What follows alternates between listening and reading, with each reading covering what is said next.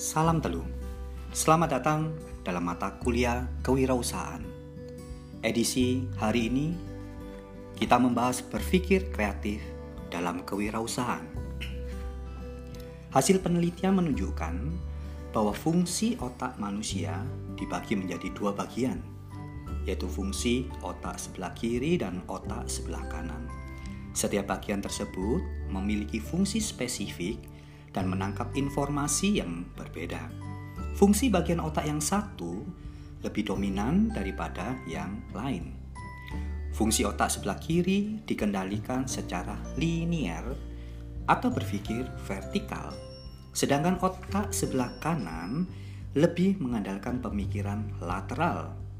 Otak sebelah kiri berperan menangkap logika dan simbol-simbol, sedangkan sebelah kanan lebih menangkap hal-hal yang bersifat intuitif dan emosional. Otak sebelah kanan menggerakkan pikiran lateral dan meletakkannya pada proses kreatif. Menurut C. Mather 1996, untuk mengembangkan keterampilan berpikir, maka seseorang harus menggunakan otak sebelah kiri, sedangkan untuk belajar atau untuk mengembangkan keterampilan kreatif, maka harus digunakan otak sebelah kanan. Ciri-cirinya adalah sebagai berikut. A. Selalu bertanya, apa ada cara yang lebih baik? B. Selalu menantang kebiasaan, tradisi, dan rutinitas. C. Berefleksi atau merenungkan dan berpikir dalam. D. Berani bermain mental mencoba melihat masalah dari perspektif yang berbeda. E. Menyadari kemungkinan adanya banyak jawaban daripada hanya memberikan satu jawaban. F. Melihat kegagalan dan kesalahan sebagai jembatan untuk mencapai kesuksesan. K. Mengorelasikan ide-ide yang masih samar terhadap masalah untuk menghasilkan pemecahan yang inovatif. Implementasi adalah transformasi ide-ide ke dalam praktek bisnis. Roger von Uch mengidentifikasi 10 hambatan dalam menciptakan kreativitas. Satu, berusaha menemukan hanya ada satu jawaban atau satu solusi yang benar dengan berusaha menemukan hanya ada satu solusi yang benar, kemudian memecahkan suatu masalah dan tidak terbiasa, dengan beberapa jawaban atau pandangan yang berbeda akan membatasi seorang wirausahawan. Dua, berfokus pada pemikiran secara logika.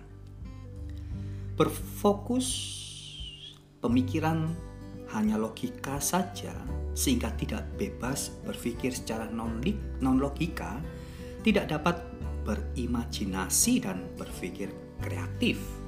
Padahal dengan berkreasi atau intuisi, kita dapat berpikir bebas tentang segala sesuatu yang berbeda dan bebas berpikir secara non logika, khususnya dalam fase berpikir kreatif.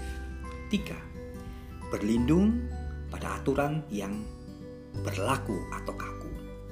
Kreativitas sangat tergantung dan bergantung pada kemampuan yang tidak kaku terhadap aturan, sehingga dapat melihat cara-cara baru untuk mengerjakan sesuatu. 4. Terikat pada kehidupan praktis. Hanya terikat pada kehidupan praktis akan membatasi terciptanya ide-ide yang kreatif. 5 menganggap bahwa bermain adalah sesuatu hal yang tidak menentukan. Padahal anak-anak dapat belajar dan bermain, yaitu dengan menciptakan cara-cara baru dalam memandang sesuatu yang lama dan belajar tentang apa yang boleh dilakukan dan tidak boleh dilakukan. Seperti seorang wirausaha yang dapat belajar dengan mencoba pendekatan dan melalui penemuan baru Kreativitas dapat diciptakan apabila wirausaha mau belajar dari permainan. Seseorang yang memandang permainan sebagai hal yang sia-sia cenderung terbatas untuk dapat berpikir kreatif. 6. Terlalu spesialisasi. Spesialisasi membatasi kemampuan untuk melihat masalah lain, sedang orang yang berpikir kreatif cenderung bersifat eksploratif dan selalu mencari ide-ide di luar bidang spesialisasinya.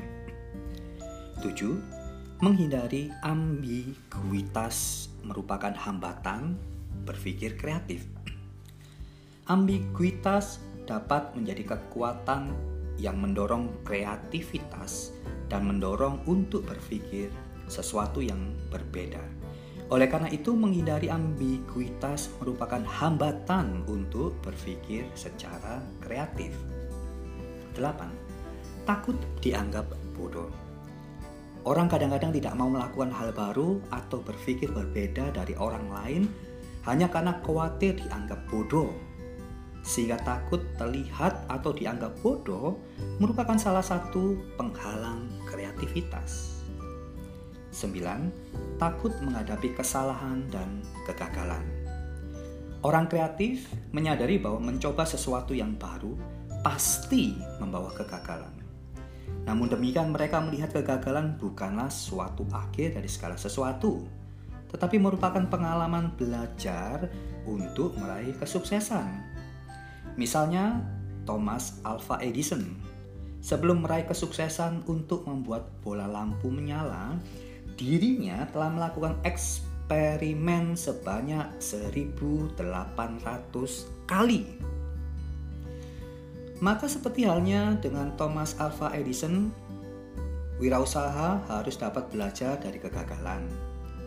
Belajar dari kegagalan merupakan bagian terpenting dari proses berpikir kreatif.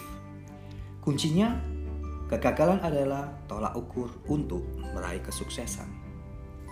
Oleh karena itu, takut terhadap kegagalan merupakan hambatan untuk berpikir kreatif. 10. Setiap orang berpotensi untuk kreatif. Ketidakpercayaan diri terhadap potensi yang dimiliki merupakan hambatan untuk dapat berpikir kreatif. Untuk memotivasi para karyawan agar memiliki kreativitas, maka Simerer 1996 mengemukakan beberapa cara. 1. Wirausaha mengharapkan kreativitas. Salah satu cara terbaik untuk mendorong kreativitas adalah memberi kewenangan kepada karyawan untuk berkreasi. 2. Memperkirakan dan menoleransi kegagalan. Ide-ide kreatif akan menghasilkan keberhasilan atau kegagalan. Orang yang tidak pernah menemukan kegagalan berarti bukanlah orang yang kreatif. 3 berbesar hati jika menemukan kegagalan. Artinya, kegagalan jangan dipandang sebagai sesuatu yang sangat menyedihkan. 4. Memandang kegagalan sebagai tantangan. Setiap kegagalan memberikan peluang untuk berinovasi. 5. Menyediakan pelatihan untuk berkreativitas. Setiap orang memiliki kapasitas kreatif. Oleh karena itu, untuk mengembangkannya diperlukan adanya pelatihan, bisa melalui bedah buku, seminar atau workshop, dan pertemuan profesional lainnya, sehingga dapat mendorong karyawan untuk meningkatkan kapasitas kreativitasnya. 6. Memberikan dorongan dan bantuan. Hal ini bisa berupa alat, dan sumber daya yang diperlukan untuk berkreasi, terutama waktu yang cukup untuk berkreasi. 7. Menghargai orang yang kreatif. Penghargaan bisa diberikan berbentuk uang, promosi, dan hadiah lainnya. 8. Memberi contoh kreatif. Untuk mendorong karyawan lebih kreatif harus diciptakan suatu lingkungan yang dapat mendorong kreativitasnya. Dalam menghadapi persaingan yang semakin kompleks dan perekonomian global, maka kreativitas tidak hanya penting untuk menciptakan keunggulan kompetitif, akan tetapi juga sangat penting bagi kelangsungan perusahaan. Artinya apa? Artinya dalam menghadapi tantangan global diperlukan sumber daya manusia kreatif dan inovatif atau yang berjiwa kewirausahaan. Atau dengan kata lain, wirausahalah yang dapat menciptakan nilai tambah dan keunggulan. Nilai tambah tersebut dapat diciptakan melalui kreativitas dan inovasi.